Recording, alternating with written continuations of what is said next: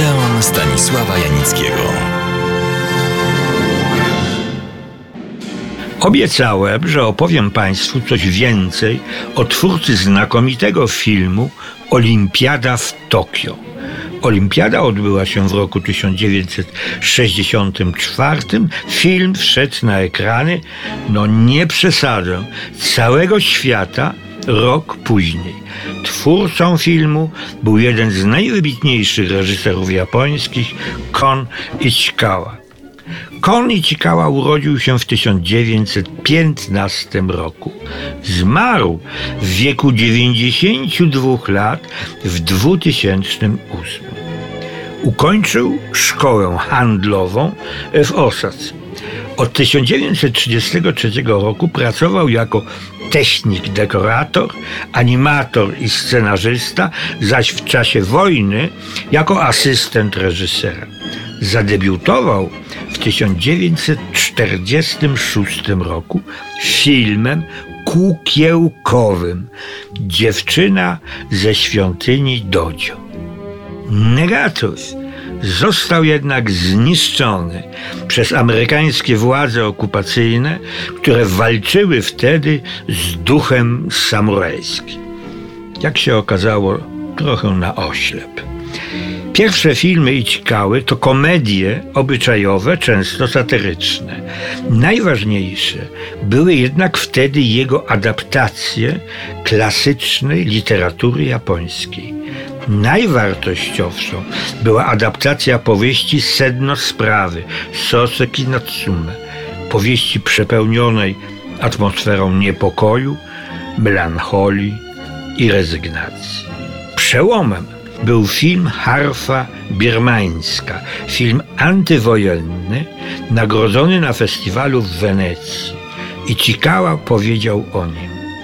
Pierwszy film, który chciałem i musiałem zrealizować. Pierwszy, na którym mi naprawdę zależało. W sumie Konicikawa zrealizował około 90 filmów. Wypada zaraz powiedzieć, że jego żona, Nattoada, była autorką scenariuszy kilkudziesięciu jego filmów. Przede wszystkim autorką adaptacji japońskiej literatury, klasycznej i współczesnej. Jego najlepsze i najczęściej nagradzane filmy to między innymi Płomień udręki, opowieść o młodym mnichu, który podpalił wspaniały złoty pawilon w Kyoto, skarb kultury nie tylko japońskiej, chcąc w ten sposób uchronić go od duchowego zniszczenia. Następne wybitne dzieło Ichikały to Ognie polne, szokujący obraz wojny, która doprowadziła japońskich żołnierzy do kanibalizmu. Dziełem niezwykle cennym i unikalnym jest jego Olimpiada w Tokio, o której Państwu przed tygodniem opowiadałem.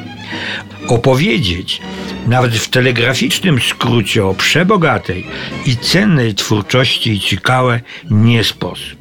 Wrócę do niej i do losów Ichikały jeszcze raz. Teraz kilka charakterystyk Przyznam, że cytuję siebie ze swojej książki Film Japoński.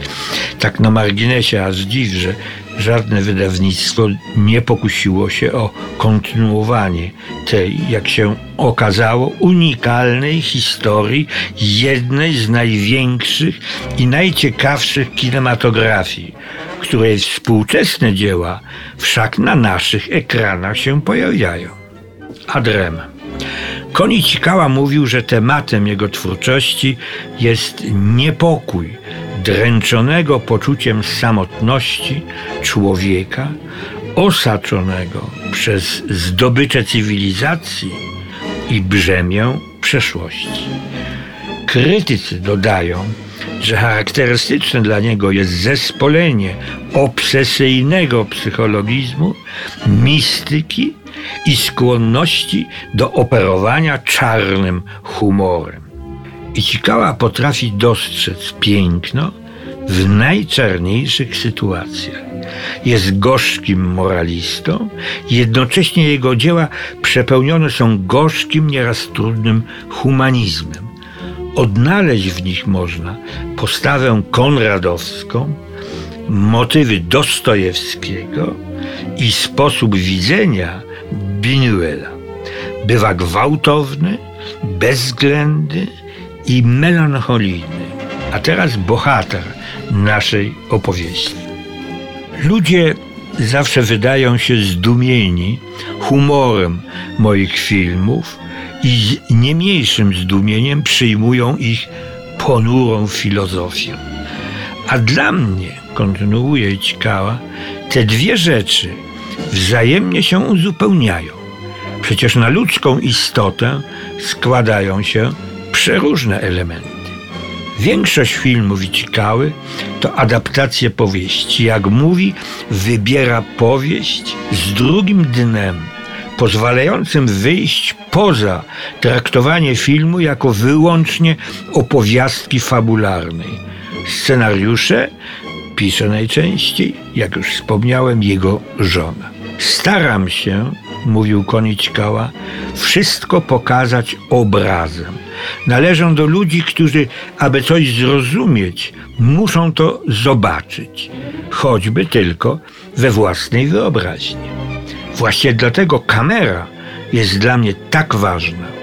Taka jest oczywiście w wielkim felietonowym skrócie sylwetka jednego z najwybitniejszych mistrzów kina światowego.